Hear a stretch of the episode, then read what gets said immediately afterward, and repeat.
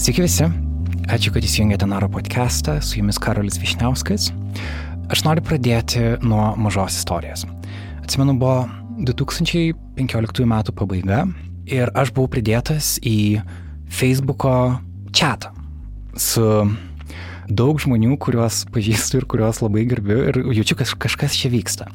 Ir tada supratau kontekstą, kad ką tik įvyko Atviros Lietuvos fondo 25-mečio minėjimo diskusija, kurios tikslas buvo tarsi įvertinti Lietuvos kaip demokratijos progresą per tos 25 metus, kadangi Atviros Lietuvos fondo veikla labai sutapo su Lietuvos nepriklausomybės atkūrimo visais metais.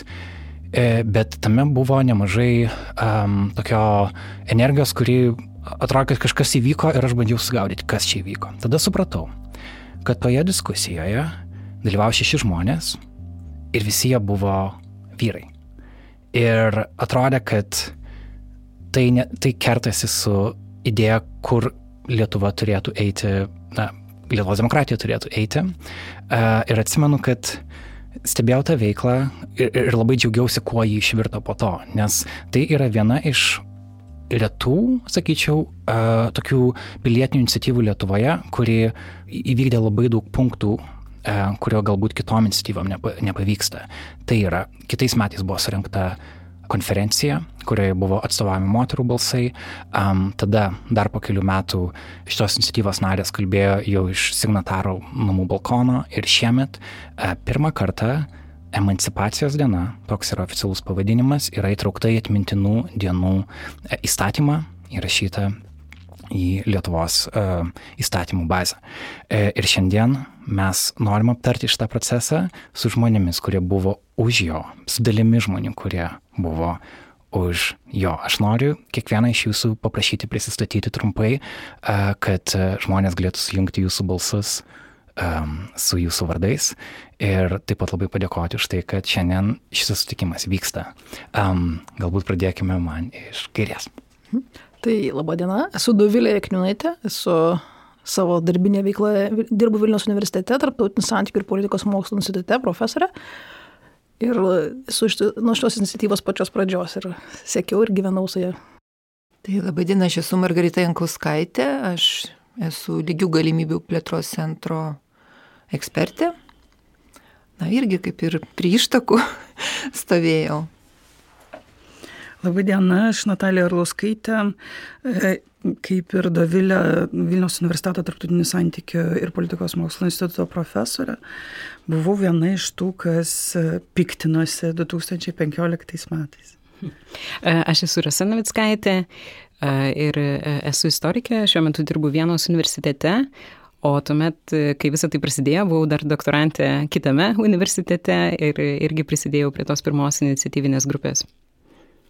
Čia klausytojams reikia paminėti, kad e, jūsų, jūs kaip autoris, jūs kaip pašnekovės, e, Naro erdvėje buvo galima matyti ir šiandien pirmą kartą, kada jūs visas esate vienoje studijoje ir mes galim turėti tokį pokalbį, kuris, kur jūsų uh, mintis papildo papildo bendrą pokalbį. Tai labai džiaugiuosi, kad tai pavyko e, padaryti. Taip pat norim padėkoti Juratį Užkaitį, kuri um, taip pat viena iš iniciatorių emancipacijos dienos ir taip pat šito pokalbio, kuri šiandien yra išvykusi, negali būti Vilniuje, tad negali prisijungti. Um, ir dar reiktų nepamiršti Laimos Kreivytės, kuri yra tokia kūrybinė jėga su visais na, tokiais kūrybiniais akcentais, sakykime, šitos dienos. Tai vat, e, linkėjimai jai. Linkėjimai jai ir. E, Indrė Širvinskaitė, kuri šiemet e, prisideda ir pernai prisidėjo prie renginio organizavimo. Ar nieko nepamirštame, nes čia iš tikrųjų žmonių truputį keitėsi per metus, ar ne, kurie vis prisidėdavo, bet paminėsime turbūt eigoje. Be abejo. Bet prieš einant prie dabarties, manau, verta prisiminti istoriją ir tokias istorinės ištakas, kodėl emancipacijos diena tapo e, nacionaliniu mastu įtvirtinta diena. Ir mes kalbame specifiškai apie vasario 17 dieną, ar ne? Kaip žinia, vasario 16 yra oficiali Lietuvos nepriklausomybės diena.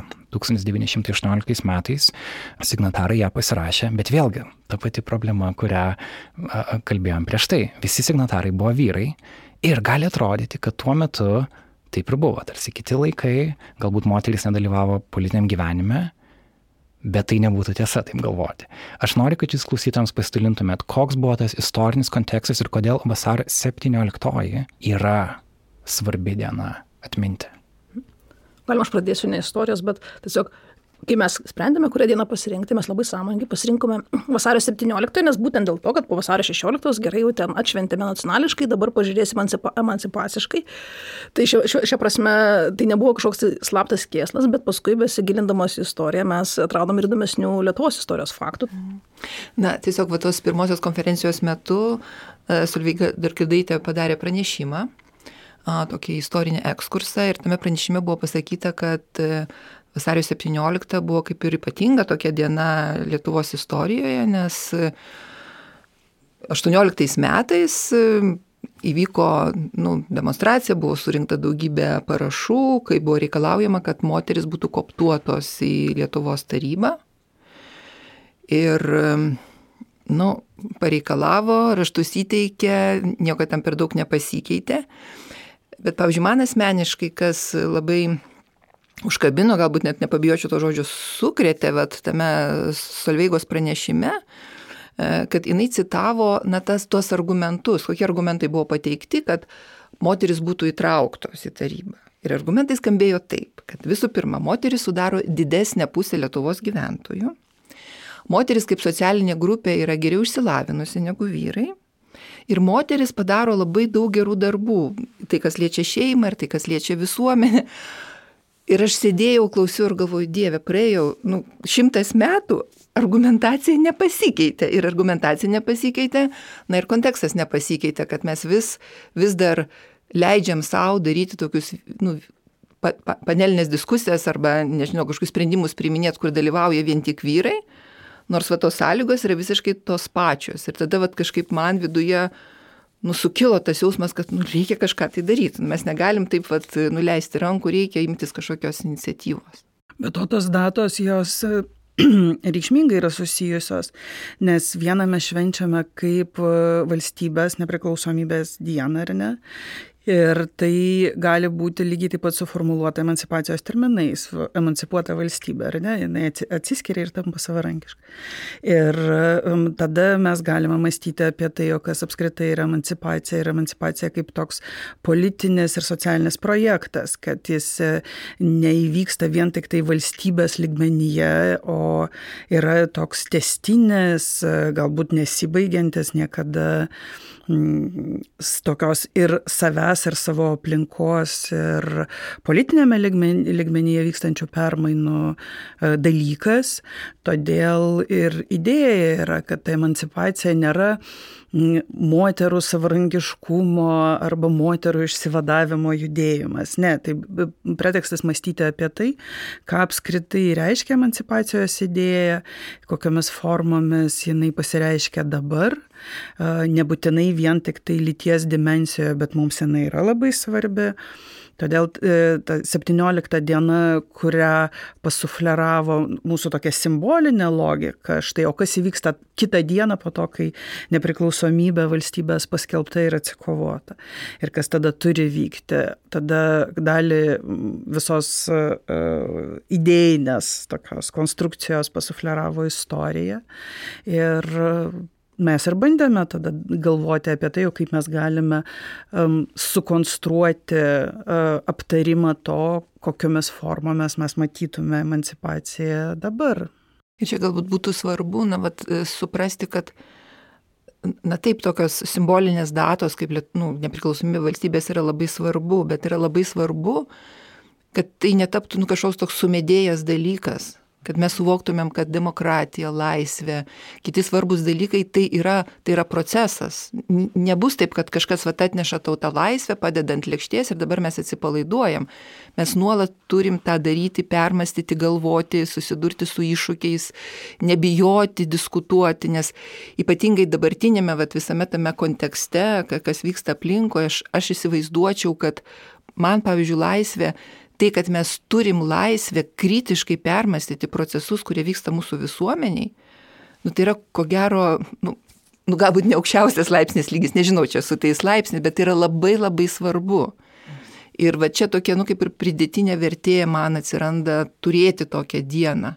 Taip, ir mes kartais turim tas šventes, va, ypatingai tas istorinės, kur mes džiaugiamės praeitimi. Štai kokie mes šaunuoliai buvom, kažkada, kažkada tenai pasiekėme. Ir toks jausmas, kad ties to ir sustojam, bet ties to niekada negalima sustoti. Projektai niekada tokie, o kaip mūsų valstybės visuomenės, nesvarbu, kas ten toliau vystysis, nesibaigia niekada. Tik, tik teisingai suprasčiau ir klausytojams teisingai perduotumėm visą tokią uh, jūsų iniciatyvos uh, istoriją. Tai visų pirma, suprantu, kad jūs pažinote vieną kitą ir kiti žmonės, kurie palaikė lygių teisų idėjas, feminizmo idėjas. Mes žinom vieni apie kitus, aš skau pats buvau įdėtas tą patį čatą ir mačiau, kad kažkas pradeda vykti. Tai, e, bet tada jau tolesni darbai buvo tokie kaip iniciatyviniai grupiai, kaip, e, kurią iššūkė reakcija į tą diskusiją atviros Lietuvos fondo, ar ne? Taip, ir šitas pretekstas atrodo formalus, jis nėra toks formalus. Nes aš manau, kad mes ne tik e, tarpusavėje pažįstamos buvome ir bendradarbiavome ir draugystės ryšiai susijusios, bet mes ir su Liet atviros Lietuvos fondu buvome labai smarkiai susijusios. Kažkas gavo stipendijas, kažkas bendradarbiavo, dirbo galbūt tiesiogiai, kažkas ką uh, Atviros Lietuvos fondas rėmė projektais. Aš manau, kad uh, apskritai uh, Lietuvoje humanitariniai ir socialiniai mokslo universitetuose be sąsajos su Atviros Lietuvos fondu apskritai sunkiai suvokiami, tol kol jis gyvavo, bet ir ne tik tuo metu. Galbūt būtent dėl to, kad būtent fondo ribose įvyko ta vienvyrė diskusija, taip, taip ir palietė, ar ne? Nes atrodo, gal yra vietų, kur tu tarsi tikiesi, kad gal taip ir bus. Bet čia tarsi buvo vieta, kur atrodė, kad gali būti kitaip. Jo, aš gal dar pridėčiau, kad būtent Atviros Lietuvos fondo dėka buvo išleisti pirmieji feministiniai leidiniai Lietuvoje nepriklausomoje. Tai daugiausia turbūt Karlos Gruodis iniciatyva, pavyzdžiui, mes turėjom ir Simon de Beauvoir antroji lytis išleista ir buvo Karlos Gruodis sudaryta knyga Feminizmo ekskursai ir tai leido būtent Atviros Lietuvos fondas. E, tai turbūt ir buvo tas nusivylimas, kad e, kaip čia dabar nebepastebim tokių akivaizdžių dalykų, kad padarom tą vienvyrę diskusiją. Be to dar turbūt svarbu tai, kad ta diskusija vyko plačiai suvokiamame e, liberalizmo kontekste. Tai tarsi kaip tik tas apšviestasis liberalumo sparnas arba erdvė, kurioje nes, nesitikėjome, kad diskusija apie Lietuvos ateitį, e, nes diskusija buvo apie laisvę ir atvirumą pagal fondo pavadinimą, gali būti suformuota tokiu būdu. Na ir tada, žinoma, kyla labai daug klausimų, o visgi, o kokia ekspertinė bendruomenė per fondo veiklos metu susiformuoja, kas yra tos ekspertinės bendruomenės balsai, kokius, kokias ateities vizijas šitie balsai įvardyja ir buvo tiesiog labai jau akivaizdu, e, kad e, šitas vaizdas yra toli gražu ne visas, ne visas galbūt ir liberalizmo kontekste įsitelkia ir buvo akivaizdu, kad reikia kažkaip į tai sureaguoti. Ir atsirado tada tekstų ir spaudoje, žiniasklaidoje ir socialiniuose tinkluose, bet paaiškėjo, kad ir tekstų kažkaip vis e, negana ir negana. Na ir tada jau atsirado šitas formatas, kuris iš dalies jis reagavo, net scenografiškai reagavo į e, Atviros Lietuvos fondo diskusiją, kad štai vat tuo metu buvo tokia... Ir mes devynės moteris susodinom. Paskutinės vakarienės ikonografija. Stalas ilgas, prie to stalo susėda svarbus žmonės ir jie aptarinėja svarbiausius mm. egzistencijos reikalus. Tai ta, pirmas renginys buvo labai panašus, tik tai žmonių buvo dar daugiau ir tie žmonės buvo moteris.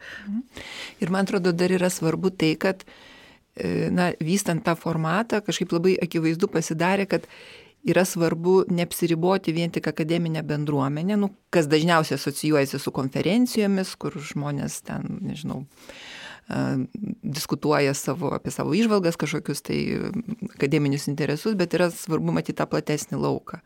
Ir iš esmės nuo pat pat pradžios tai buvo toks formatas, kuris suvienijo uh, akademinę bendruomenę, kūrybinę, nu, ar kultūrinę ir aktyvistės. ar aktyvistus. Tai ta prasme, tarsi va trys tokie sluoksniai ir mums visą laiką buvo svarbu, kad tai, apie ką yra diskutuojama, na tai neliktų vien tik tokiais teoriniais pamastymais, bet maksimaliai, kiek įmanoma, tai būtų susijęta su nu, kažkokiam tai aktualijom, nebūtinai aktualijom, ta prasme, kad jau čia paskutinės minutės kažkokie aktualija, nu, bet vat, kuo mes gyvenam, kaip tai veikia mūsų tą kasdienybę, kas iš to gali išplaukti. Tai manyčiau, kad va, tas aspektas jis yra taip pat labai svarbus, nes yra ta problema, kad dažnai skirtingi laukai tarsi egzistuoja patys savo ir trūksta tos energijos. Aš dar gal pridėčiau, kad atsispyrėme tuomet, aišku, nuo kritikos atviros Lietuvos fondo tai diskusijai. Ir dar prisimenu tą turbūt pirmą mūsų susitikimą pizzerijoje, kažkur tai Vokiečių gatvėje, su tokia šiek tiek pikta feministinė jėga. Tuomet kalbėjomės, ko čia imtis. Prisimenu tą žodį emancipacija, berots Laima Kryvytė būtent išmetė. Uh, Ir bet man atrodo, kad labai greitai pasidarė visas tas renginys, visa ta idėja, renginys, aišku, jau seniai ir pamirštas buvo tas atviros Lietuvos fondas, pasidarė viskas apie apskritai Lietuvos viešąją erdvę. Ir apie tai, kad tiesiog, kai, kai pavyzdžiui, žurnalistai ieško eksperto, ką nors pakomentuoti, tai dažniausiai būna ekspertas vyras. Tiesiog atrodo, kad savaime suprantama, kad vyrai dominuoja, vyrauja toje viešoje erdvėje erdvėje. Ir mes tiesiog norėjome būtent parodyti, yra pilna moterų eksperčių savus ryčių, kurios gali labai puikiai pakalbėti ir galbūt netgi geriausiai savo srityje pakalbėti dažnu atveju. Ir iš tikrųjų, kas dažnai atsitinka, man atrodo, kad be jokios abejonės čia tiesiog yra faktas, kurio nereiktų kartoti, kad yra pilna eksperčių savo srities žinovių moterų, tačiau reikalas tas, kad jos dažnai toje savo srityje ir sėdi ir dirba, ir ar tai profesoriauja, ar užsima aktyvizmu, ar, ar, ar kalba. Uh, ar, ar kaž, kažką daro, bet tiesiog dirba savo srityje.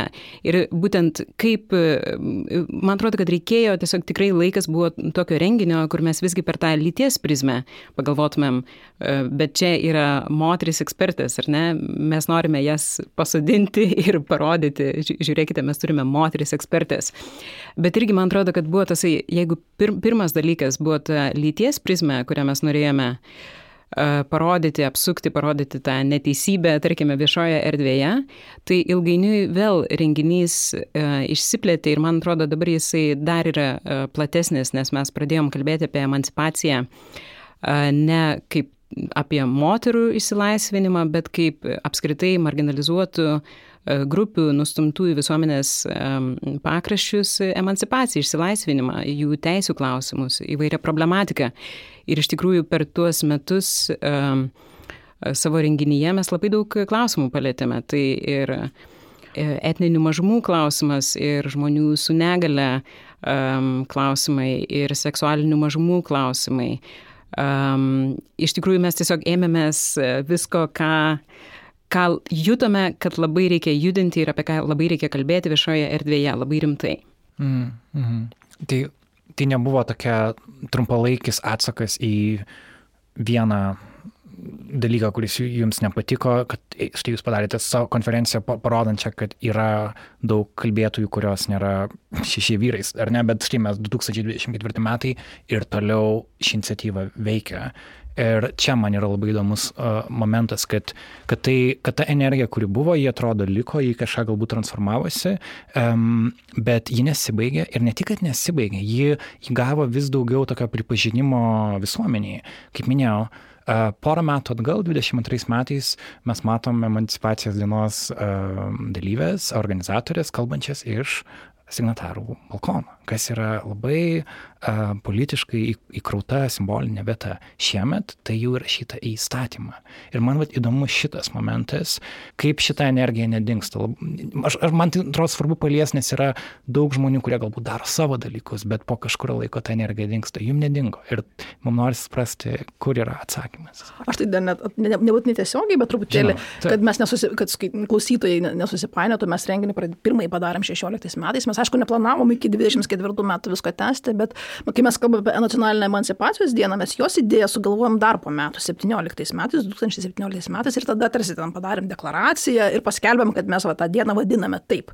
Tai ir tada paskui pamažu tai vystės ir reikia pasakyti, kad e, kas metai, va, maždaug susitinki keli mėnesiai link vasario ir tada galvo, dar darom ar nedarom. Darom. Ir taip pat atsitikdavo, kad viskas kiekvienais metais vis darėm.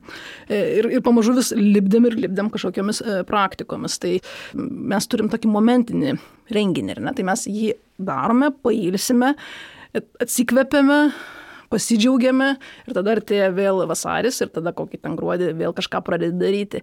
Kai turi vieną kažkokį aišku projektą, šia prasme lengviau mobilizuotis. Tai vienas iš mano iš tų veiksnių yra šis. šis. Man atrodo, kai mes kalbam apie idėją, turbūt labai svarbu suprasti, kad tai, nu, idėja jinai visokia gali būti. Gali būti formali, ne, nu, vat, sugalvojom kažką, tai ir gali būti idėja labai stipriai emociškai užkrauta. Tai man toks jausmas, kad vat, tai, kas buvo užšiopta po to lemtingo, reiškia tos lemtingos konferencijos 15 metų, tai iš tikrųjų sugeneravo, nu, tokį didelį emocinį atsaką, kuris, aš manau, buvo atreflektuotas, suvokiant, kad tai yra, nu, ne vien toks, žinot, vienkartinis, reaktyvus, kad, nu, va čia, va, nuskriaudė, va, nepakvietė, nu, tai, va, mes dabar iš to piktumo padarysim tą, va, atsakomą konferenciją. Ne. Tai buvo atreflektuota ir suvokta, kad už tos emocijos nuslypi labai objektyvūs dalykai, apie kuriuos reikia kalbėti, kad tai yra svarbu, jeigu ne mes, tai kas. Ir čia dabar aišku klausimas, kaip, čia plėtosis toliau, nes kol kas, kol nebuvo tai įteisinta kaip nacionalinė emancipacijos diena, tai buvo tarsi nu, to organizacinio komiteto rankose viskas. Dabar tai jau yra diena, dabar tai yra galimybė didesniam ratui žmonių prisijungti ir na kažkaip pagal savo tą supratimą, na, skleisti toliau tą, nežinau, žodį, veiksmą, kaip, kaip tie ratilai. Ir čia bus įdomu žiūrėti, į, į ką tas toliau plėtosis, nes mes jau viskas, mes jau šito proceso kontroliuoti negalim. Mes galim, nu, tik tai tiek, kiek su renginiu susiję dalykai. Jo, aš gal dar pridėsiu, kaip tik šį rytą gavom jau žinutę iš vienos Vilniaus bibliotekos, kuri nori šiais metais e, švesti nacionalinę emancipacijos dieną ir e, klausia mūsų, ar galime kažkokiu, kažkokiu tai pasiūlymu, kažkokiu metodiniu priemonių atsiųsti. Ir tada man atrodo, kad mes irgi dar tik tai įsisamoninam, kad iš tikrųjų dabar mes turime e, dieną įtraukti į atmintinų dienų sąrašą ir kad tai gali būti labai ta prasme, tikrai e, platesnis projektas, kuris galbūt išeis ir iš tų Vilniaus intelektualinių ratų. Jo, nes kol kas jūsų renginys vykdavo, e, kaip minėjot, nacionalinė dailės galerijoje Vilniuje, jis, jis transliuojamas internete, bet e, e, taip, jis e, atrodo kaip tam tikro, sakykime, nežinau, bendraminčių susibūrimas, daug pamatai žmonių, kuriuos gal šiaip seniai matėjai, toks kaip uh, daug pažįstamų žmonių ir e, tame yra daug džiaugsmo, nes e, kartais e, čia yra ta idėja, ar mes turime išeiti iš savo burbulo, o kartais gal visai smagu tame burbulė pabūti ir kažkaip pažinti labiau vieni kitus. Tai suprantu, kad atrodo dabar yra tarsi ėjimo platin gera galimybė ir kad jeigu kažkas gyvena, nežinau, Marijampolį ir atliepia emancipacijos dienos idėjai, jie turi daug stipresnį svertą sakyti, ei, šita diena dabar yra įstatymė, didesnis svertas negu sakyti, štai Vilniuje e, grupė žmonių daro ir mes norim padaryti. Suprantu, kad visgi tas, form, viena vertus formalumas jis turi, jis turi svorį, ar ne? Nu taip, čia kaip kisi bet kuria atmintina diena, tai yra tiesiog, nu, yra kalendoriui, tavo yra priminimas, kad, nu, bet, tarkim, nežinau, daug tų dienų yra ar ten ir, ir tarptautinė debeto diena, ar ten savarankiško gyvenimo diena, tai yra tiesiog priminimas, kad va žiūrėkit, yra tokia diena, aplink tą dieną mes galim pagalvoti, ką prasmingo, turiningo mes galėtumėm nuveikti. Mm. Ir šitos dienos proga, na iš tikrųjų, yra galimybės, nu tokios atsiranda kaip ir oficialios galimybės, na kalbėti apie tos demokratinius procesus, apie iššūkius, kaip, kaip mes tą suprantam. Nes aš, aš galvoju ypatingai, vad, nu, biblioteka ar ten kokios švietimo įstaigos, na tai kaip, kaip mes vat, ugdom, sakykime, tą, tą jaunąją kartą, kad, nu, nežinau, tas fakelas būtų nešamas toliau. Tai galbūt ta diena tai ne, nebūtinai vien pasišnekėjimai, gal kažką galim ir padaryti tokio, nu nežinau, ja. tai kas yra susijęs su atskirties grupėm ar dar kažkokiais tai dalykais. Na čia fantazijos yra labai daug ir aš tikiu, kad žmonės tos fantazijos tikrai turės mes, mes galbūt net ir tiek sugalvoti negalim, kiek iniciatyvų galėtų atsirasti. Nes pati vasario 17, vėl grįžtant į istoriją, e, ką mes sužinojome konferencijoje, kad kas tada vyko Lietuvoje, ar ne, kad Kaune vyko moterų protestas dėl to, kad jos nebuvo įtrauktos į... Lietuvos taryba, kuri pasirašė nepriklausomybės akto deklaraciją. Ir tada e, Lietuva tapo viena pirmųjų valstybių Europoje, kurioje moterys gavo teisę lygiavertiškai balsuoti, ar ne? Um, ir tai yra vienas iš kito išeinantys įvykiai. Tai, um, kitaip tariant, istorija rodo pavyzdžius, kaip galėtų būti. Ir dabar tarsi atviras laukas yra kažką, kažką su to daryti. Ir tik tai, kad mes šią informaciją daugelis pirmą kartą sužinojom, yra dėl to, kad jūsų konferencijai buvo pranešėja, kurie apie tai papasakoja. Mhm. Teisingai. Ir man atrodo, čia dar svarbu suprasti, kad Žiūrėkit, kai mes kalbam apie tas ištukas, nu, ant, ant, ant kieno pečių ir kaip mes čia stovim ir kur mes judam toliau, tai na tie žmonės, kuriem tą, nežinau, lyčių lygybės klausimai, emancipacijos klausimai galbūt jie nėra labai komfortiški, tai yra, yra ta tendencija pasakyti, kad, nu čia toks tai, vadžinot, atsinešta čia kažkas iš užsienio, čia gal mūsų ne visai su mūsų ištakom ir panašiai. Ne, pasižiūrėkit, tai yra mūsų ištakos. Lietuvos nepriklausomybė, Lietuvos valstybė buvo atkurta remiantis idėją, kad vyrai ir moteris lygiavertiškai turi prisidėti prie kūrimo politinis moterų aktyvumas jisai siekia dar 20-ojo amžiaus pradžią, tai tai ir yra mūsų ištakos.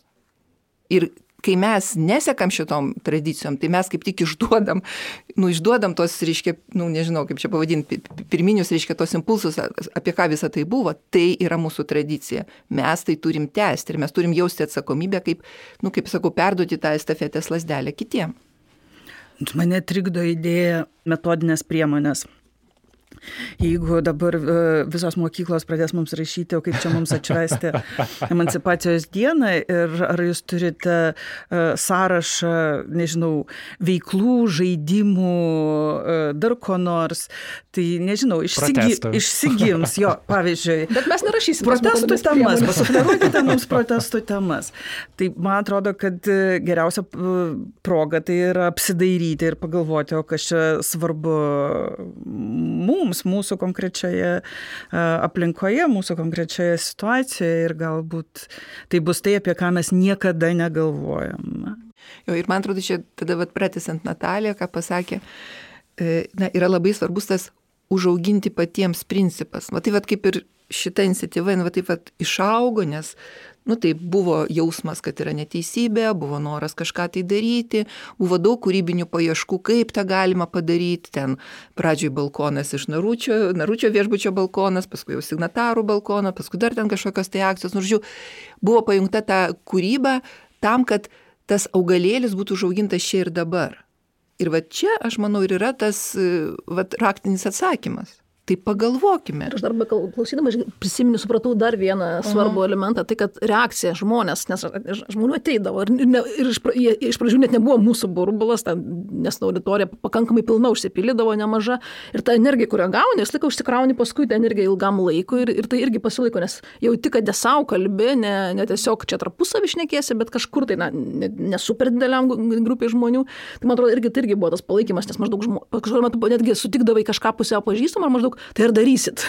Ir tada gal maždaug, nu taip, taip lik ir netvirtai, o paskui supranti, nu taip darysit. Tai tas va tos reakcijos ir kad supratimas, kad nesaušneki, kad nesaučia kažkokia susivokusi, bet kažkam reikia tą, tą girdėti. Jo, ir tas energijos mainai, kad kurkime kartu.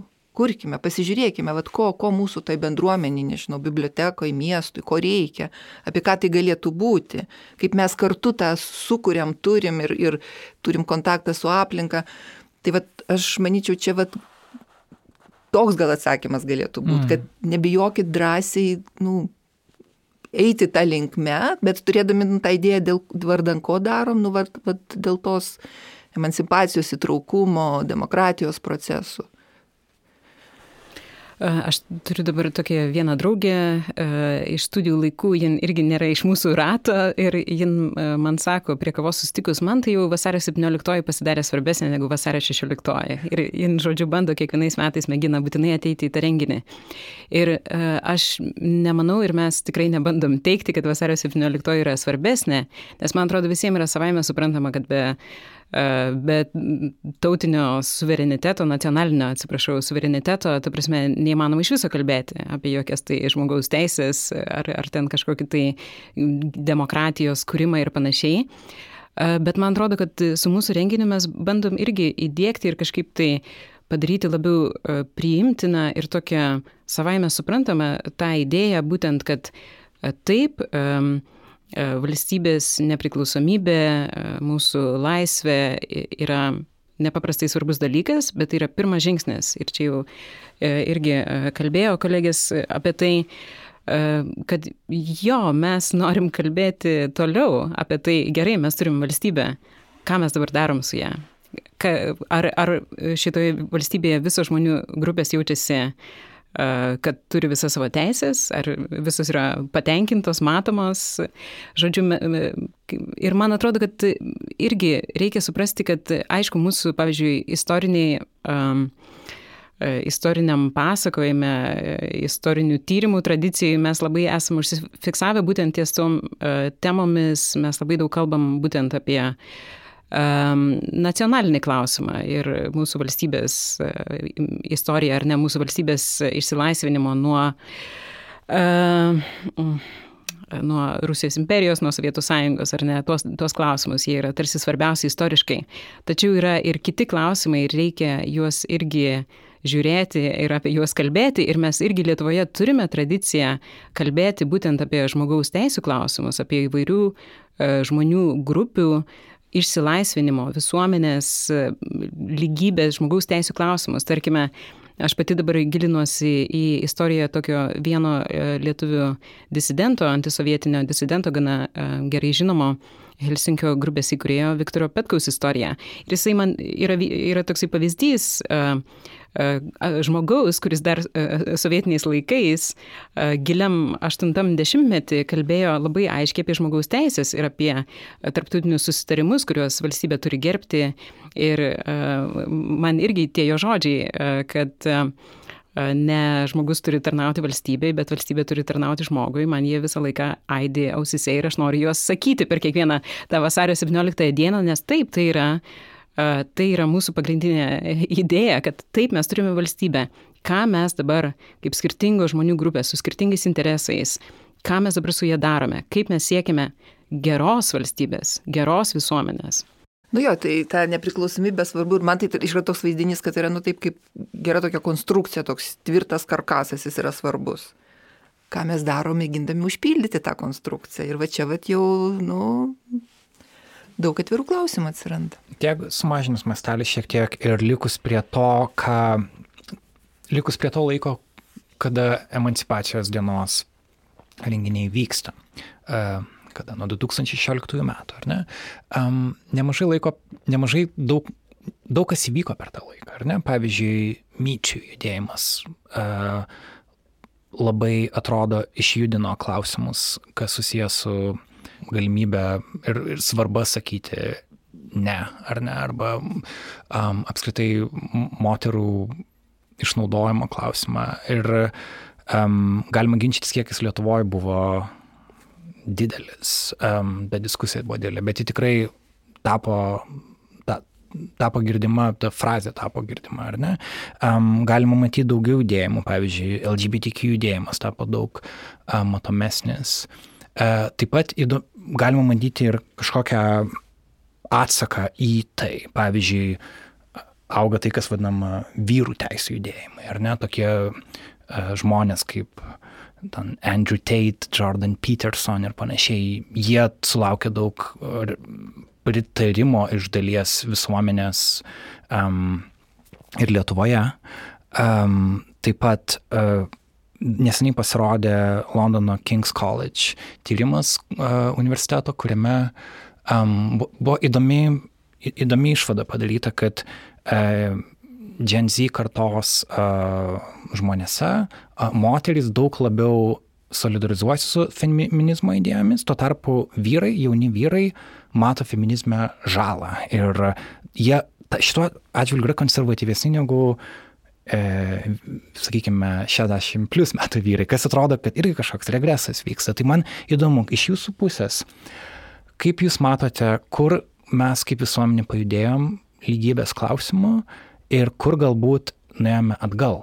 Kartu yra lietuviškas kontekstas dar taip pat, e, pavyzdžiui, e, karo Ukrainoje, įtaką, ar ne, galbūt kas tarsi stiprina tradicinės lyčių rolės, norą, kad, nežinau, fizinę jėgą, stiprumą, tuos dalykus, apie kuriuos tarsi buvo mažiau kalbėta iki, iki pilnos, e, Rusijos pilnos invazijos. Tai aš taip matau lietuvišką kontekstą. Įdomu, kaip jūs matote jį būdamos viduje, viduje šito proceso. Kur mes kaip visuomenė padarėm progresą, kur galbūt nuėjome kitą kryptimį. Čia turbūt e, yra toks skirtumas tarp mūsų kaip e, žmonių, kiekvienos atskirai ir mūsų kaip e, nacionalinės emancipacijos dienos organizatorių. Mes kiekvienais metais diskutuojame apie tai, kiek mūsų kuriama programa turi būti reaktyvi, ta prasme, reaguojanti į nūdieną, į kontekstą. Ir kiek ji turi būti nežinau, svari, pamatuota tyrimais, kažkokiu didesniu įdirbiu. Tai uh, jeigu mes galvojame apie būtent emancipacijos dieną kaip apie renginį, kaip apie dieną, tai turbūt jų programos reaguoja į kontekstą, bet daugiau kalba visgi tokia analitinė kalba, kuri reikalauja kažkokio laiko dar. Diskusijos būna, bet jos retai būna vat, momentinės į reaguojančios momentą. O e, tada jau visai kitas klausimas, e, koks čia mūsų kontekstas. Bet aš gal ir galvodama e, šitą pakankamai niūrų vaizdą, kurį Karolis čia mums nupiešė. Ir iš tikrųjų mes, kai žiūrime 24 metai, dar jeigu dar žiūrim, pagalvojame apie geopolitiką, politinius procesus, e, ta, to įkvėpimo daug nėra. Bet kita vertus, jeigu pažiūri va, taip nuo 16 metų ir supranti, kad, pavyzdžiui, žodis feminizmas tikrai tam mažiau tam. Jis, aišku, taip yra labai kontroversiškas tarp skirtingų grupių žmonių, bet jis pla, pla, plačiau pripažįstamas kaip savaime suprantama tokia saviidentifikacinė prisipažinimo kategorija, kad daug paprasčiau, pavyzdžiui, net ir žiniasklaidoje yra atkreipti dėmesį, kad nėra čia savame suprantama, kad tokiam ir tokiam renginiai, na, čia, aišku, tos all mail panelus, vien, viena vyrės e, diskusijos, tai čia toksai labai paprastas, sakyčiau, tiesmukas klausimas, bet mes ten turim ir e, reprezentacijos klausimai vyriausybėje ir bendrai, kokios pramonės mes kalbame, to vis daugėja, iš tikrųjų daugėja mūsų visuomenėje dėl to daugėja, aišku, kontroversijos, daugėja ir diskusijų, bet šiuo metu aš nematau kaip negatyviaus dalyko, nes tada yra permastoma, kai yra tylima arba kai yra tiesiog vyksta diskusijos mažai mažoje grupėje, tai yra, tai yra tik viena dalis, tai yra ma mažai svarbi dalis, o kai tai išsiveržia kažkokias tais aptarimus, tai jau yra, jau yra posūkis, jau yra, reiškia, yra geresnis, stipresnis, didesnis susidūrimas ir taip vyksta kova, labai akivaizdu vyksta kova tarp skirtingų vertybių, tarp suvokimo, kas čia mums svarbu ir kas nesvarbu ir kam kelia grėsmę, nes akivaizdu, kad pats savaime, pavyzdžiui, lygybės ir laisvės idėjos turbūt žmogus suformulavus abstrakčiai, bet kuriam. Sakytų taip.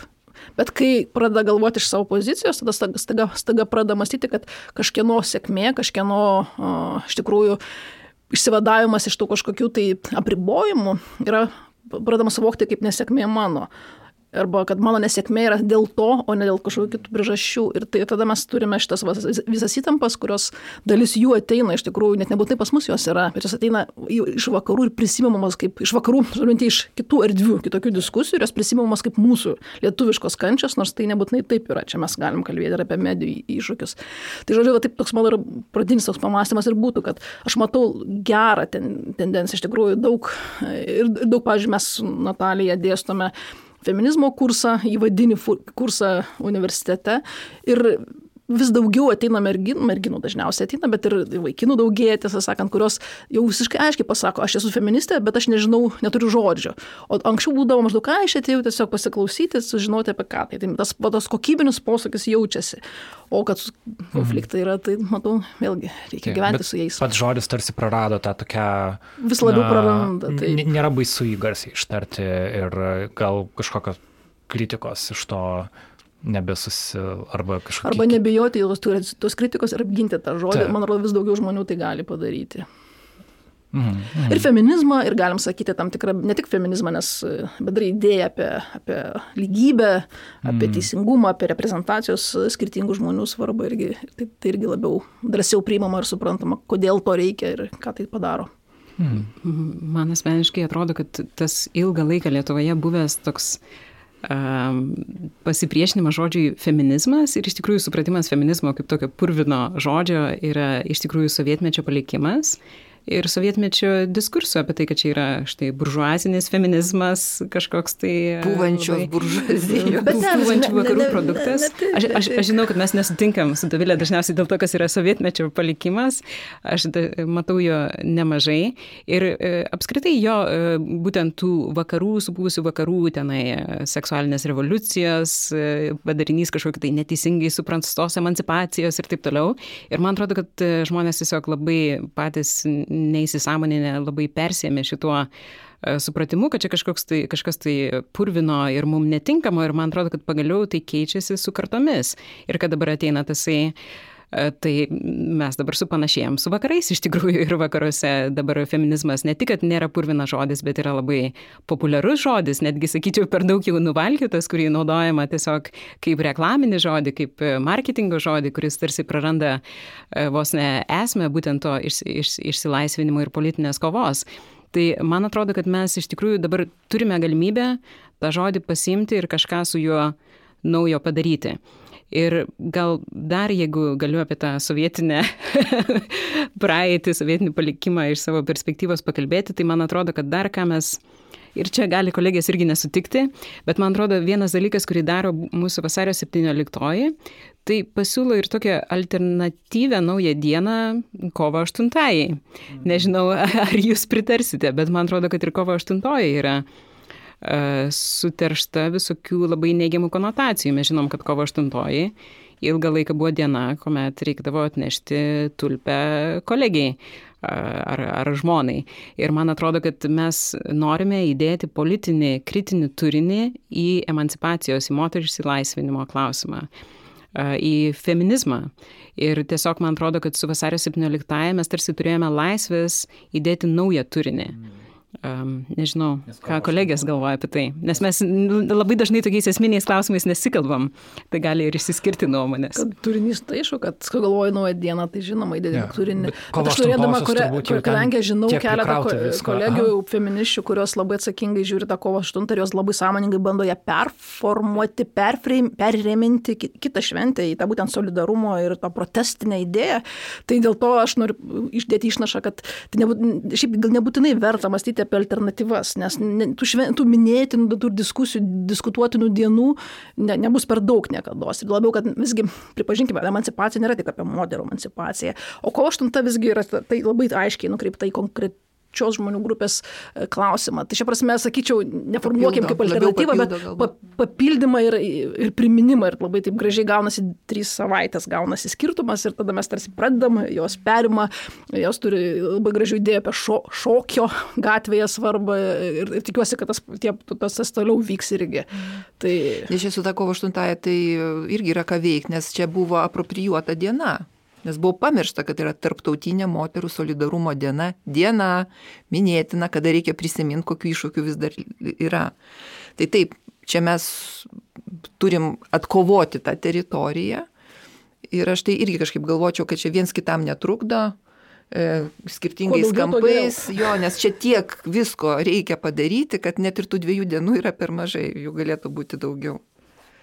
Bet to, kai mes galvojame apie emancipacijos dieną ir kuriame įvairiausias diskusijų programas, mes visgi kalbame ne vien apie lytį. Ir toli gražu ne vien apie lytį.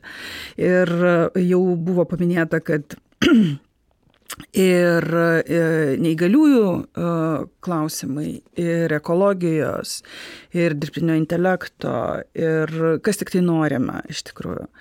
Ir jeigu lytis, tai irgi lytis tokia, vat, nebūtinai akademiškai kaip kategorija ir kaip jinai veikia socialinėme gyvenime, Bet e, vienas iš svarbių dalykų, ir aš taip kaip tik šiandien iš ryto, kai e, ruošiausi mūsų pokalbiui, pažiūrėjau dar programas ir aš pagalvojau, kad kaip įdomiai, ne visos temos, kur, e, apie kurias mes kalbėjome, ta, buvo tokia dalis didesnio judėjimo kažkokio. Kažkokios temos buvo arba mums pačioms vienkartinės, arba m, tiesiog retesnės. Bet vat, yra viena tema, kuri eina beveik per visus mūsų metus. Tai motinystė ir būtent šita moterų gyvenimo dalis. Ir būtent toks labai kritiškas žvilgsnis į motinystę, jo toks demistifikavimas ir vaikų auginimas vis, visokiamis kitokiomis formomis. Ir man atrodo, kad čia irgi yra toks labai svarbus dalykas, jeigu mes galvojame, kas atsitiko gero. Nes apie demografiją nuolat kalbama kaip apie problemą, ar ne? Ir, jinai, ir ją linkstama spręsti tokiamis labai tradicionalistinėmis priemonėmis.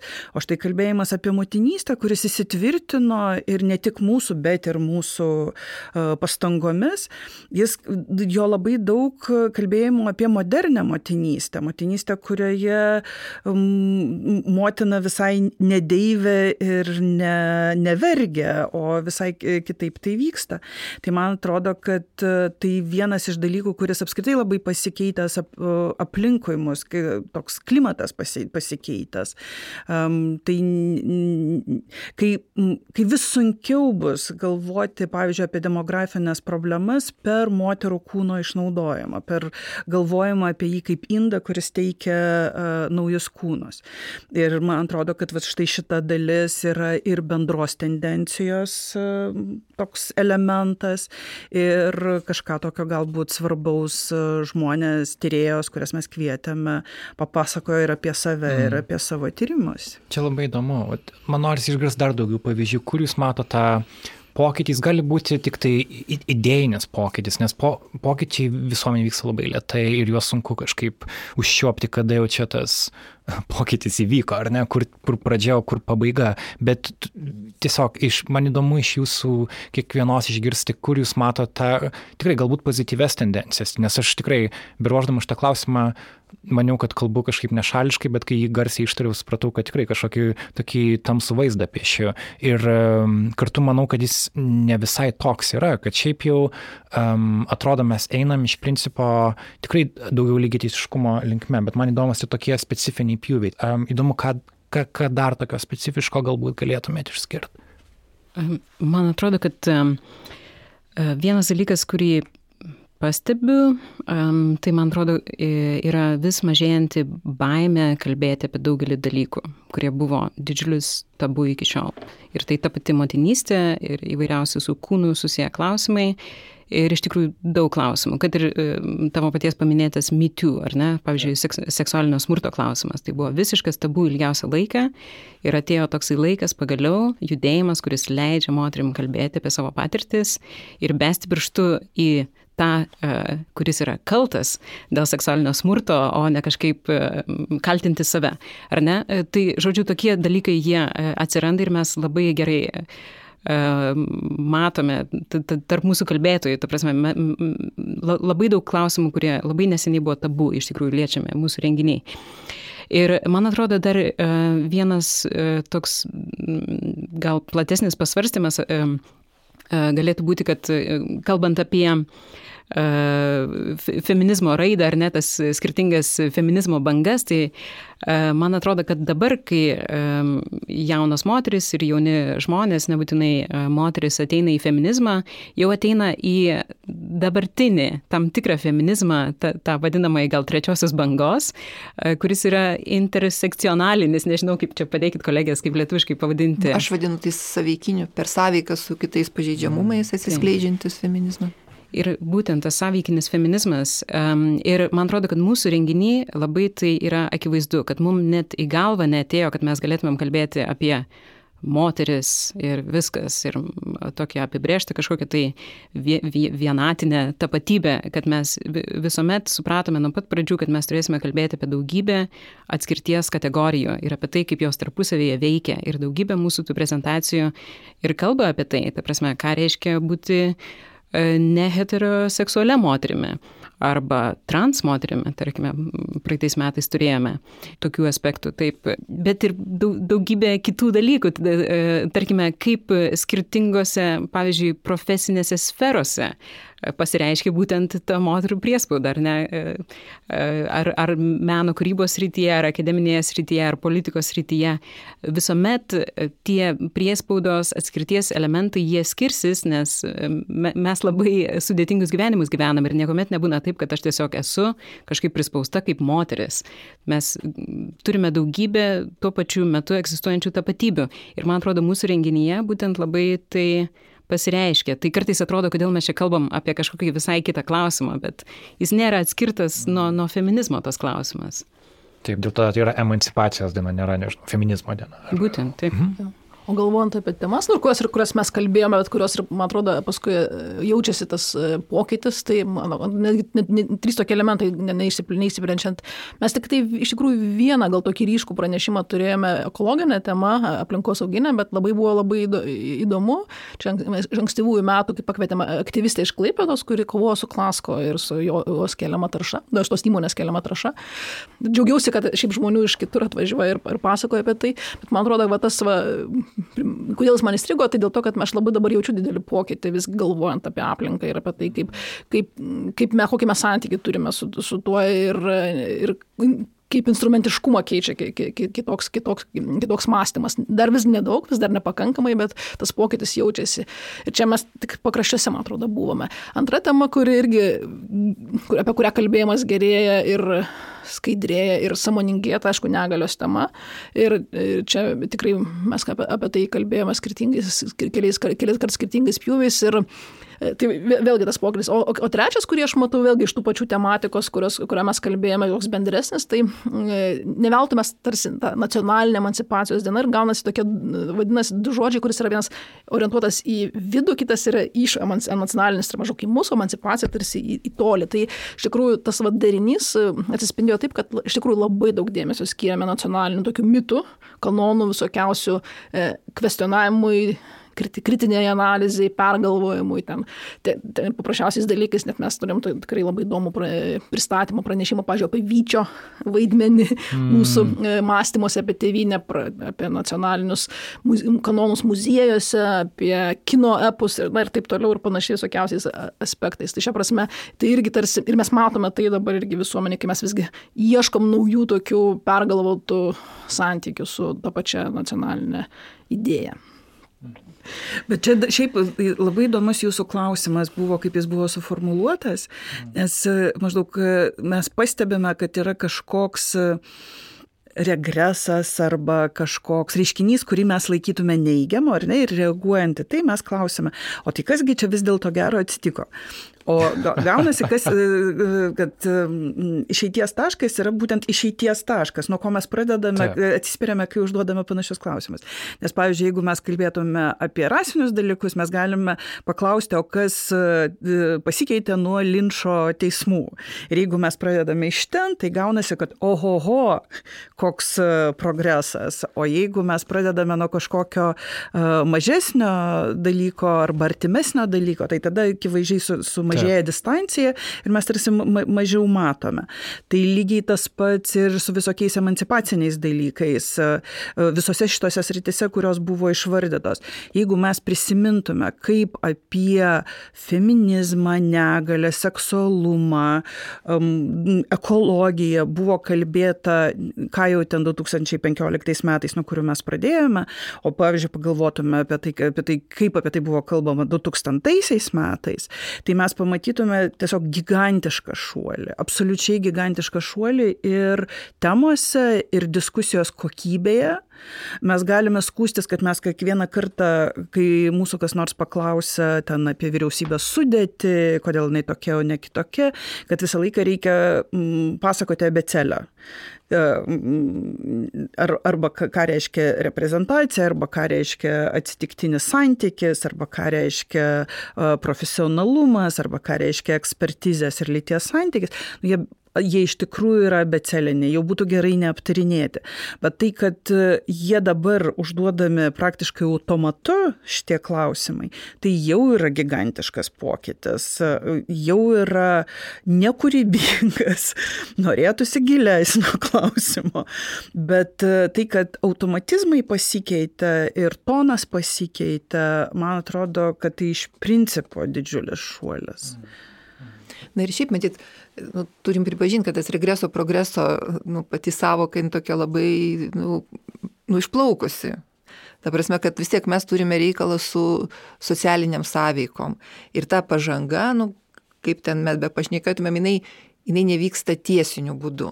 Tai visą laiką yra dinamika, yra kažkoks tai bangavimas, yra įvairios grupės, kurios turi savo interesų ir jos mėgina tos interesus ginti. Ir, ir tarkim, vat, net ir tas paminėtas, nu, kaip man asmeniškai liūdėsi keliantis, reiškia, tas vyrų teisų judėjimas, nu, kaip į tą pasižiūrėti. Nes aš įsivaizduočiau, kad jeigu tokio kirpimo žmonės nejaustų kažkokios tai permainos ir nejaustų, kad vat, jų tam status quo, tom privilegijom ir visam kitam kyla pavojus, tai nu, jie nesitelktų jokius judėjimus. Vadinasi, yra padaryta nemažai, kad vat, jų tas toksai stabilumas yra išmuštas iš, iš pokojų. Antra vertus, aš manau, kad į tuos vyrų judėjimus taip pat reikia žiūrėti e, platesniam kontekste ir kaip egzistuojanti va, ta neoliberali kapitalistinė sistema, kaip daug, daugybė vyrų jinai padaro labai pažeidžiamais nes jie viena vertus, nu, kaip ir turi tą mitą, tą svajonę, va, atitikti tą, nu, to tikro, nu, to kabutėse, ne, to tikro vyro kažkokius idealus, o ištinka gyvenimas ir tu matai, kad, nu, vad, nesigauna būti ir turtingu, ir galingu, ir, ir, žodžiu, visais ten aspektais, o esi labai pažeidžiamas. Uh, nu ir tada tos reakcijos sukyla, tai prieš ką mes atsisukam, nu tai atsisukam prieš tos, kurie dar, dar yra labiau paraštėje. Tai, tai čia yra tokie, na, sudėtingi, kompleksiški dalykai. Ir čia matyt, nu, sunku būtų pasakyti, kad čia viena, vienareikšmiškai čia progresas, regresas, bet tai yra tiesiog tarpusavį na, susiję momentai ir nu, čia kaip ir yra tas priešybių vienybės tas e, dalykas, kad jeigu iš anos pusės neiškiltų kažkokie nu, pasipriešinimai, pasipiktinimai, tai ir mūsų pusėje nebūtų galimybės sutelkti jėgas, labiau ieškoti kažkokių tai argumentų, ir, ir spręsti tos klausimus, juos labiau pamatyti, ne? nes mes pamatome, kai įvyksta tas susidūrimas kažkokiu tai pozicijų, nes iki tol mes galbūt sėdime net nepagalvojam, kad va tokių va aspektų dar galėtumėm panagrinėti savo, savo buvimą. Ir net su tom, atsiprašau, bet aš vis prie to paties, apie vienavyrės diskusijas.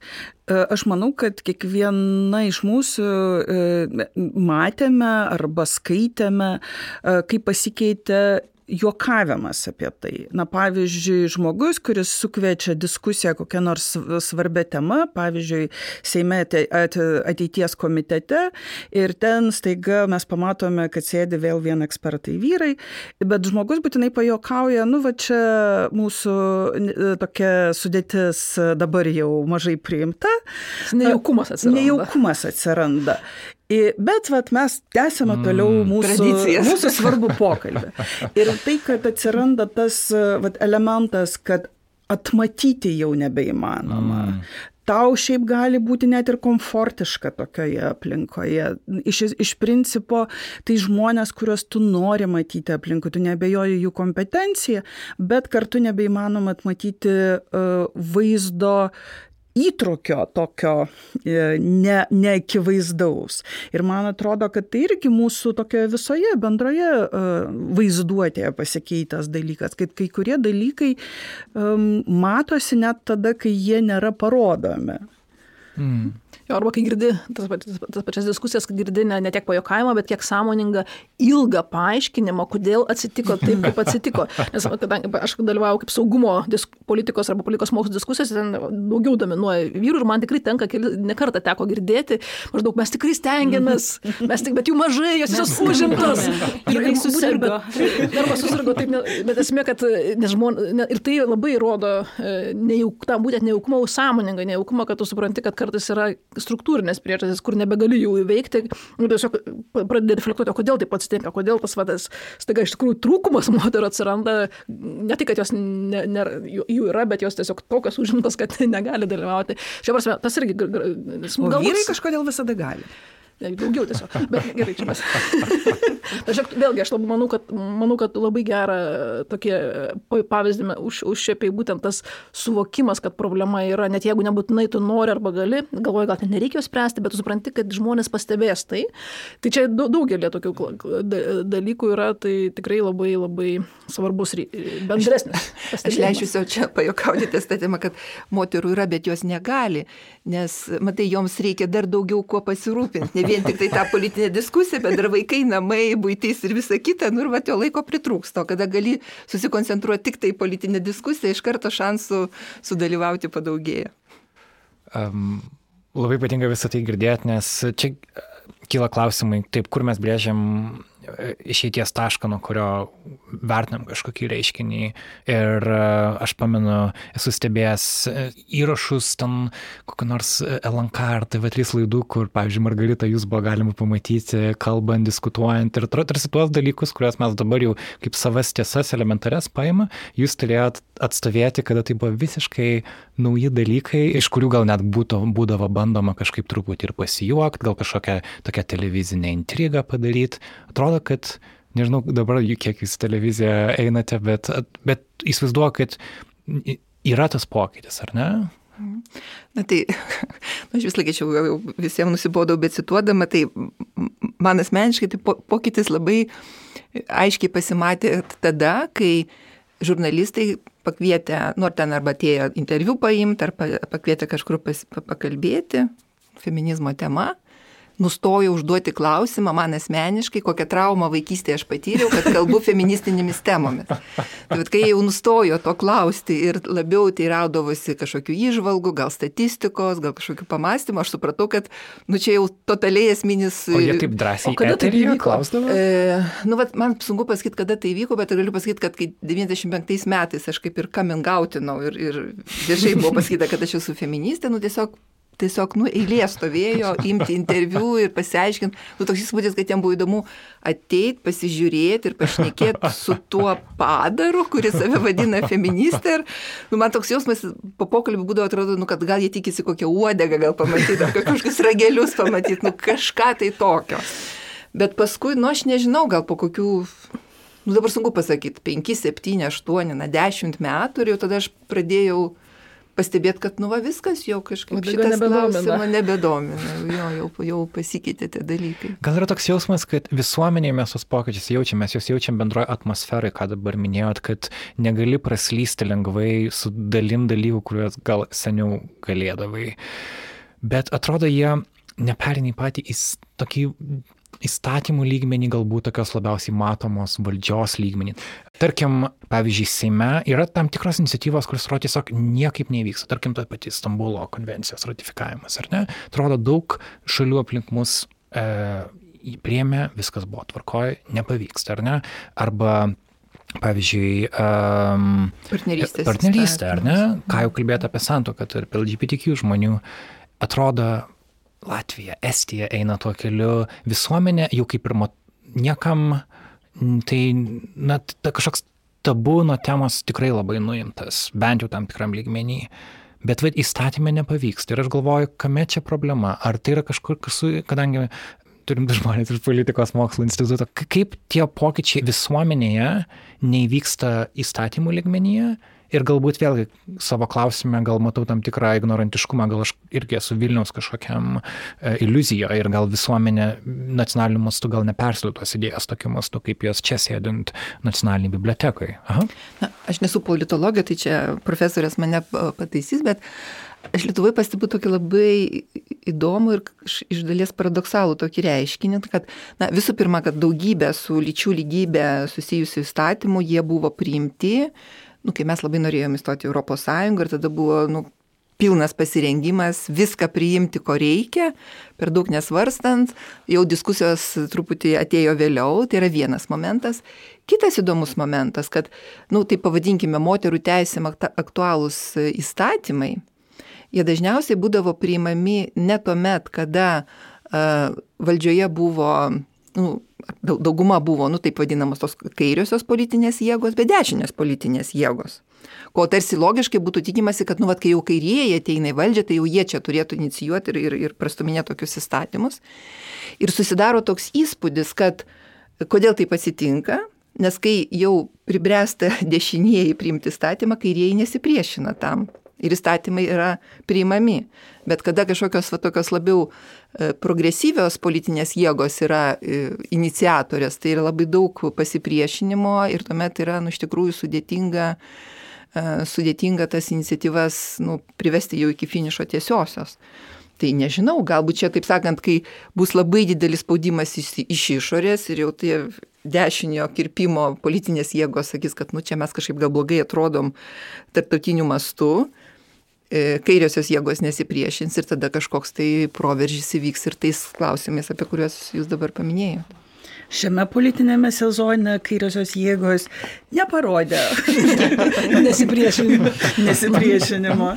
Jo, bet aišku, čia klausimas apie labai, nu, čia labai platus klausimas ir aišku, čia reiktų kviesti kolegas politinės sociologiją užsiminėjančius, bet čia visiškai sutinku ir su išorės e, veiksnių svarba ir su, ir su dinamika, kaip politiniai sprendimai priimami, bet lygiai taip pat, aišku, mes kaip turim politinį elitą, kokį turime. Ir, na, ir, ir mes, aišku, kai kalbame pokyčius, mes visgi pripažinkime, kad na, mes nekalbam, kad čia visa visuomenė staiga viską priimė. Mes visi, visi savo, savo raidą rutuliojasi ir, aišku, bendrai Lietuvos visuomenė gana konservatyvi kultūriškai tikrai yra ir čia mes ir, ir ta prasme renka tam tikrus žmonės, politikus, kurie tai, to, tokie, to, tokie reprezentuoja. Ir aišku, mes galim tada turbūt visiškai plėtoti diskusiją, kur turbūt visiškai kitur nuvestų, kodėl politinis elitas yra toks, toks, koks yra ir ta iniciatyvos baime tam tikrų kontroversiškesnių sprendimų, bent jau tam, šitose srityse, kurias mes suprantame kaip žmogaus teisų klausimais, nes nesimama, yra didžiulis klausimas klausimas, nes mes matome, kad tai nekliudo kai kurioms mūsų kaiminėms valstybėms, nepaisant panašios visuomenės struktūros ir greičiausiai panašaus galimo įsivaizduojamo pasipriešinimo, kurio, kaip matome, neįvyksta nei Stambulo mhm. konvencijos, nei to labiau, kas, nekalbant jau apie partnerystės, kas iš vis yra baidyklės, man atrodo, klausimas e, mūsų politikų rankose. Aš gal irgi iššoksiu šitą klausimą, būtent pasvarstyti apie tą uh, lyčiai neutralios partnerystės įstatymo klausimą, žinai, užstrigusi Lietuvoje ir apskritai nulį pažangos srityje, užtikrinant uh, būtent LGBT žmonių teisų užtikrinimo srityje Lietuvoje nepaprastai stringa ir man asmeniškai tai yra tiesiog liūdėsi, nusivylimą ir e, keliantis klausimas. Pati e, esu homoseksuali moteris ir to neslepiu ir e, mano šiuo metu daromi istoriniai tyrimai yra apie tai. Ir atrodo, kad tų paaiškinimų gali tiek ir tiek surasti. Aš kartais tiesiog čia Ehm, dabar e, bekalbant, e, pradėjau galvoti apie tai, Natalija čia pakalbėjo apie tą ehm, humoro klausimą, būtent ir e, apie ką reikia pajokauti, ar kažka, kaž, kas, kas nejaukų tarsi pasidaro, kai ilgą laiką stumi kažkokį tai probleminį mažumų klausimą. Ir man atrodo, kad kartais tie klausimai, būtent mažumų teisų, užstringa būtent dėl to, kad uh, dauguma, kuriai iš tikrųjų visiškai, kurios neliečia tie klausimai ir tos teisės, tie pokyčiai jų niekaip asmeniškai nepalies, kad jie priešinasi tų mažumų teisų užtikrinimui dažniausiai dėl to, kad jiems tai sukeltų tam tikrą nepatogumą, kad jie tiesiog nebegalėtų apie kažką juokauti, pavyzdžiui kad ir, nes man atrodo, kad homoseksualumas yra labai stigmatizuotas iki šiol Lietuvos visuomeniai. Ta prasme, apie tai kalbėti yra nepaprastai sunku ir mes galime kalbėti, kad yra tam tikra pažanga. Pavyzdžiui, kaip medijos kalba apie LGBT teisės, tai aš e, labai matau nepaprastą pažangą nuo to, kaip 2010 metais, pavyzdžiui, Lietuvo žiniasklaida padengė tą klausimą pirmojo E, pirmųjų e, Lietuvoje eitinių už lygybę e, LGBT žmonių. Ir kaip tuomet buvo tikrai stigmatizuojami, demonizuojami žmonės einantis tojose eitinėse ir gal prisimenate protestus tais metais vykusius. Ir kaip dabar žiniasklaida kalba apie LGBT žmonės kaip apie žmonės. Ir be jokios abejonės taip pat žmonės žurnalistai, e, dirbantis toje srityje, kur irgi prisidėjo prie to, kaip pasikeitė tasai kalbėjimas. Tačiau man atrodo, kad ta stigma yra tiesiog nepaprastai, nepaprastai gili. Ir man atrodo, kai, kai politikai nuspręs nustoti joti ant šito arkliuko, kur išnaudoti iš tiesų žemiausius žmonių daugumos tokius E, kaip čia impulsus iš tikrųjų, tą norą pasijuokti, norą kažką demonizuoti, kažko pabijoti, iš kažko pasišaipyti. Man atrodo, kai bus nustota joti ties tais labai žemais e, dalykais, iš tikrųjų tuomet mes galėsime normaliai pradėti kalbėti apie šitą žmonių grupę, e, LGBT žmonės ir apie jų teisės, kaip apie žmonių teisės. Natalija, kaip, kaip jums atrodo? Aš mąstyčiau galbūt panašiai, bet be humoro elementų. Man šitoje vietoje įdomus santykis tarp apeliavimo į lyderystę ir apeliavimo į visuomenės pasiruošimą. Nes e, ir abu argumentai galioja paprastai. E, ir kalbam, labai daug šiuo metu kalbama apie lyderystės svarbą viena vertus, pačios įvairiausios - politinės lyderystės, administracinės lyderystės, kokios tik nori. Ir kita vertus, tuo metu, kai norima norima išvengti lyderystės naštos, tada apeliuojama į visuomenę, kuri yra pasiruošusi arba nepasiruošusi. Ir čia pavyzdys su stojimu į ES, ką paminėjo Margarita, labai svarbus, nes aš įsivaizduoju, kas būtų, jeigu mirties bausmės atšaukimas staptų staiga bendro aptarimo ir, ir visuomenės. Ir visuomenės pasirengimo šitam atšaukimui klausimu. Ir bijau, kad mes sužinotume apie savo kaimynus ir savo visuomenę dar žiauresnių dalykų ir visai nejokingų. E, todėl aš manau, kad ne, ne, nepaisant to, kad vieš, viešos diskusijos yra svarbios, politikai visgi atsakingi ne už diskusijas, o už savo sprendimus. Ir šitoje vietoje aš manau, kad lyderystės ir, ir jinai turi funkcionuoti. Tu negali ją pakeisti nuorodą į visuomenės apklausas, kurios beje ir nėra drastiškos.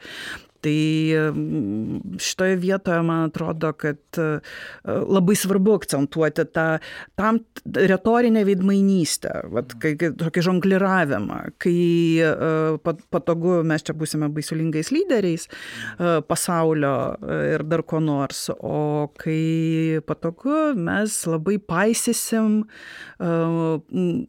visuomenės netotalaus pritarimo arba netotalaus kaip tik priešinimas ir taip toliau. Ar, ar galima dar truputį replikuoti, nes man atrodo šitas, šita paliesta Natalijos tema, to ne, nepasiruošimo visuomenės yra tikrai puikiai ir čia daugelį temų galima pritaikyti, kaip manipuliuojama šituo, nes iš tikrųjų visuomenė niekuomet yra niekam nepasiruošusi, kaip ir ne viena šeima niekuomet yra nepasiruošusi, kad uh, turės LGBT vaiką ar turės vaiką su negalė, tarkime, be jokios abejonės tėvai niekuomet nėra pasiruošę, taip kaip valstybė niekuomet nėra pasiruošę. Arba vaiką kad... paauglį, niekas nepasiruošė. Vaikas bus žmogus su savo interesais, žinoma, ar, arba kad valstybė, žinoma, irgi nėra niekuomet iš anksto pasiruošusi, tarkime, imigrantų kažkokiam srautui, ar ne, niekuomet visuomenė niekam nėra pasiruošusi, niekas nėra pasiruošęs, vyksta nuolatinis pokytis. Tarkime, vakar teko dalyvauti Seime diskusijoje apie įtraukų į ūkdymą, tai būtent vaikų su negale įtraukimą į bendrąjį ūkdymą, kuris turėjo tapti privalomu visoms mokykloms nuo šių metų rugsėjo pirmosios. Tačiau vėlgi argumentuojant tuo, E, būtent mokyklos yra nepasiruošusis, visuomenė yra nepasiruošusi, mėginama tai nukelti. Ir tai mes matome, pavyzdžiui, LGBT e, srityje, tai apskritai e, šitas argumentas, kad visuomenė yra nepasiruošusi, mes jį matome šaltiniuose XIX amžiaus pabaigoje, mes jį matome XX amžiaus viduryje, matome lietuviškose visokie kny, visokiose knygose, tarkim, iš 80-ų, aš žinau pavyzdį, kur vienas psichologas sako, tiesiog visuomenė šiuo metu dar yra nepasiruošusi. Tai kada, kada visuomenė bus pasiruošusi, visuomet bus nepasiruošusi.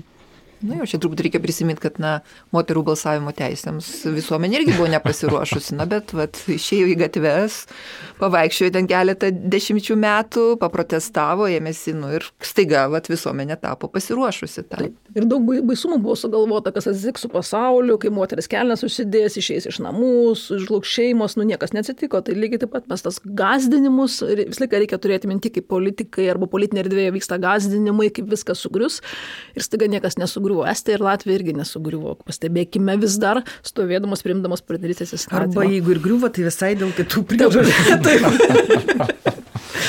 A, man labai patinka šitą mintis. Labai patinka šitą mintis, kad uh, niekas niekam nėra pasiruošęs. Ir tarsi du, du Taip. būdai, su, ką su tuo dabar daryti. Viena yra um, bijot, nes nesi pasiruošęs, kita yra tiesiog gal uh, na, bandyt ir žiūrėt, kas iš to išeis. Tai um, man labai smagu, kad jūs pabandė tada 2015 metais ir bando toliau. Einant į mūsų pokalbio pabaigą, gal tikrai pasikalbėkime apie šių metų emancipacijos dieną. Vasario 17 vėl Nacionalinė dailės galerija. Įėjimas atviras visiems, ar ne? A, ką ten žmonės galės iškirsti? Yra du blokai nu, arba du paneliai, dvi sekcijos. Vienas yra skirtas sankirtai tarp medicinos lyties ir smurto iš dalies, kūno kontrolės. O kitas yra tiesiogiai smurtai, smurtui, smurto formoms, karo, šeimos ir karo ir šeimos daugiau. Ir, psicho, psichilo, ir, ir, psichi, jo, ir psichiatrinis smurtas. Tai ten ne visur bus kalbama tiesiogiai apie smurtą, bet e, e, vis vien tai yra tokia daugiau mažiau gyja, kaip žinojimas e, tampa prievarta tam tikras, pavyzdžiui, apie seksualumą arba litiškumą, kaip ir, ir šia prasme ir psichiatrinis žinojimas, kaip tampa prievartos forma, arba kaip smurtas vaizduojamas ir kaip tai susijęs su lytimi, arba kaip smurtauja skirtingos lyties žmonės, karo, pavyzdžiui, pavyzdžiui, kontekste. Žodžiu, ne, ne visiškai vien tiesmukai tiesiogiai apie, apie smurtą, bet di, didžioji dalis e, pokalbio suksis vienokiu ar kitokiu būdu apie fizinę ir episteminį smurtą. Ja, šią prasme, tarsi, kartu tokiu va šito renginiu, tarsi mes lik ir liekame prie tų pažįstamų temų, bet kartu norim na, parodyti, kad ne, skirtingai skamba tas, tas kritinis, nes emancipacijos kartu ir kritinis jų žiūrėjimas labai smarkiai yra, tas kritinis žiūrėjimas, na, galimas jis vis, visai kaip pažiūrėti, per, pakreipti ir tas, tas, tas, tas smurtas, nors skamba smurtiškai, žiauriai, bet kartu, aišku, jis, nuo jo mes negalim pabėgti nei tokiam perkeltinė prasme, nei labai dėja, labai tiesioginė, kuri yra iš dalies ir šalia mūsų, bet kartu jo mes girdim daugiau ten ir Izraelio teritorijoje, ir kitose pasaulio taškuose. Tai mes jį apčiuopiamai jaučiame per, me, per mediją, paradoksaliai skamba, bet kartu ir verta jį galvoti ir kitose aspektuose, kurio vis, vis, vis jo yra. Bet to dar aš čia žiūrėdama į šių metų programą pagalvojau, kad visada yra mm, tokios du poliai. Viena vertus galima kalbėti labai apie labai skirtingus objektus, bet e, su tokia kritinė e, laikysena, ar ne, ką mes ir bandėme laikas nuo laiko daryti. O, o šį kartą, e, bet ne visada tai buvo lytie, lyties klausimas, kaip jungiantis, pavyzdžiui, visus, visas mūsų diskusijas. O šiemet pat yra vienas iš tų atvejų, kai lytis dalyvauja kiekviename iš pranešimų. Ir man atrodo, kad čia irgi vienas iš tų pokyčių, apie kuriuos jūs klausite, kuri, kuris įvyko. Nes per, jau vien per šituos devynerius metus, kol mes čia bandome organizuoti tas diskusijas, jau užaugo visa nauja tyriejų karta ir jų vis daugiau ir studijuoja užsienyje, grįžta su, su savo tyrimais, su busimais tyrimais ir dabar jau padaryti um, svarias, tokias turiningas diskusijas, uh, pavyzdžiui, vien feministinės ir uh, kaž, kažkokia siauresnė um, tema jau yra įmanoma. O prieš dešimt metų tai dar ne, nebūtinai buvo būtent taip. Tai čia yra toks ir laimėjimas visų, visų mūsų ir, ir konteksto, ir pretekstas galvoti, o kaip čia galima daryti toliau, ar gilinti, ar plėsti. Čia amžinai dilema. Mhm, mhm. Ir ankstesnių emancipacijos dienų įrašai yra prieinami YouTube, nežinau, ar visų metų. Beveik visų. Tai. Aha. Jo, ir YouTube įvedus emancipacijos diena galima rasti puslapį, kurį, kuris nesunkiai bus. Aha. Mes nemažai kalbėjome. Taip pat ir Naros puslapyje galima rasti taip. kelis, jeigu emancipacijos diena įvedus, galima, galima rasti. Tikrai taip. Bet geriausia ateiti gyvai, visada pasiklausyti.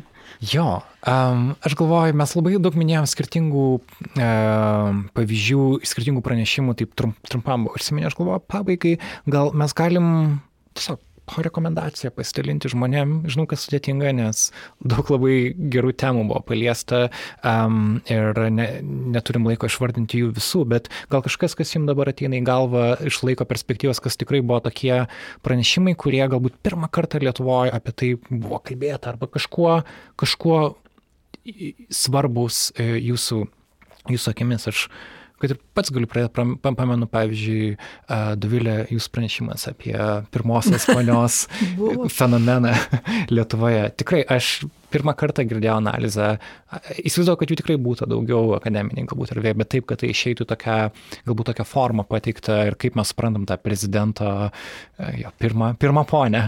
Labai labai buvo įdomu. Arba rasa apie Mariją E, gimbutės, e, kalbėjote ir visą, atsimenu, kad tada įvyko visai nemažas toks gimbuto, Marijos gimbutės toks, um, nežinau, labai daug kas ją atrado, atrodo. Mes taip pat publikavom uh, pačias tekstą apie, apie ją. Tai atrodo, kad um, daug tokių pokalbių pavyko pradėti. Atsimenu apie Lietuvos kino industriją ir moterų rolę, ten buvo didžiulis tyrimas, kurį pristatė um, tyrėjai. Tai tyrėja Lina Kaminskaitė ir Jelena Šalai. Taip. Um, galbūt dar kažką galim greitai paminėti, kad žmonės archyvose galėtų pa paieškoti.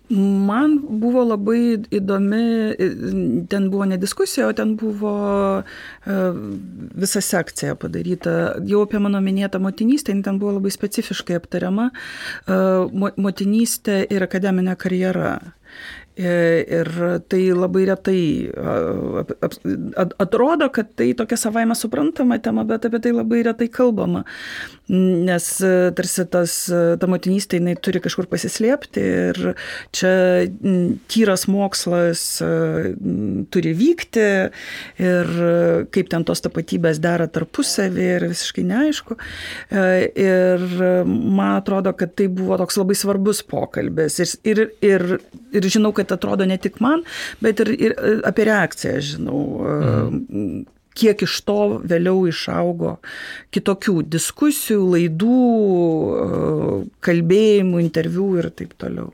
Kurie metai čia buvo? Aš manau, kad tai kokie 18-19. Aš galiu tiesiog tą pa, pa, paminėti diskusiją, kurią Karolis paminėjot pačioje pradžioje. Ir čia nebūtų, kad naujai, bet tiesiog žmonėms galbūt įdomu diskusija apie feminizmus Lietuvoje. Taip. Ten buvome sukvietę ke, kelias akti, aktyvistės. Taip, ir Karlo Grodis dalyvavo. Taip, ne, buvo. Ir kaip tik yra, taip. ir kadangi labai nesunkiai būtent, ačiū Jums, Jūs tada iš, iš, iš, kaip čia, paskleidėte tą diskusiją per Jūsų platformą. Tai tikrai, pavyzdžiui, kas dabar klausosi ir galvoja, kad ne, ne viskas čia pagaunu, tai man manau, kad susiorientuoti irgi skirtingose mąstymosi būduose pas mus irgi labai naudinga būtų. Man kas pirmiausiai galva šovė, tai iš praeitų metų Marinos Pukelienės pranešimas apie um, gimdymą. Tai irgi labai susijusi su, su motinystė, iš tikrųjų, um, būtent apie aktyvizmą um, gimdymo srityje ir būtent moterų galimybės kontroliuoti gimdymo procesą ir akušerinį smurtą. Man atrodo, irgi tema labai mažai paliesta Lietuvoje ir buvo toksai gaivaus oro gūsis matyti, kad kažkas kalba ir užsima aktyvizmo šitoje srityje. Būtent, ir tai labai susiję būtent su tais moterų kūno, savo kūno kontrolės klausimu. E, tai tiesiog e, labai įstrigo iš praeitų metų. Ir man labai visuomet irgi įdomu e, nede klausytis pranešimų, kurie kalba apie moterų istoriją. Ir man atrodo, kad nedas irgi ištraukia būtent tuos tyrimus, kurie daro kažką, žodžiu, istorinius tyrimus per lyties prizmę, per seksualumo prizmę, tai aš, man tik tai norisi kuo daugiau, nes atrodo taip trūksta Lietuvos būtent istorinių tyrimų srityje to. Ir kad jau paminėjai, tai turiu ir, kad jau paminėjai, paminėjai Mariją Gimbutinę ir mano e, tyrimą apie jį, kur pristačiau, man atrodo, e, jau senokai, gal kokiais 18 metais, neprisimenu kada, tai tik tai norėjau pasigirti, kad tai, ką tuomet pristačiau, labai tokį pradinį variantą, tai galiausiai išsipildė, tapo knyga ir šiemet ta knyga išleista jau ir lietuviškai, yes. ir bus knygų mūgėje, tai labai džiaugiuosi, nes iš tikrųjų tuomet pristačiau pirmą kartą Lietuvoje savo tyrimą. Taip. Super, sveikinu. Tai man atrodo, čia galima apibendrinti, nu, e, gerbėmiai, na nepatingėkite suvesti tuos kelis raktinius žodžius, naikite į YouTube ir, ir pasiklausysite labai įdomių pranešimų, nes panašu, kad viskas vienaip ar kitaip buvo novatoriška ir inspiravo tolesnės diskusijas. Tikrai taip. Aš tikrai noriu padėkoti Jums už šitą darbą, kurį uh, kasmet vis padarote. Žinau, kad mūsų klausytojai irgi, jei galėtų, tai irgi padarytų, manau, labai panaš susikertančias tokias tiesas, kas juos domina, kuo, ko, kokias temas jūs keliat. Tai um, tikrai iš šono tai atrodo kaip pilietinė iniciatyva, kuri tarsi kelia sudėtingus klausimus, bet joje nėra, ji kartu jaučiasi kaip šventė kažkodėl, ar ne, kad yra kažkokia gera, galbūt toj drąsoj viešai kalbėti yra kažkokia gale vis tiek. Ir, ir aš atsimenu iš kiek esu dalyvavęs kaip klausytojas, visą laiką toks, išeini, kažkodėl išeini su daug optimizmo, nors ir kalbė apie sudėtingus dalykus. Tas kažkoks polikis tame ir kiek žmonių tai traukia, tai uh, noriu už jį padėkoti ir noriu palinkėti sėkmės tęsant jį toliau ir padėkoti taip pat už pokalbį šiandien. Ačiū. Ačiū. Ačiū.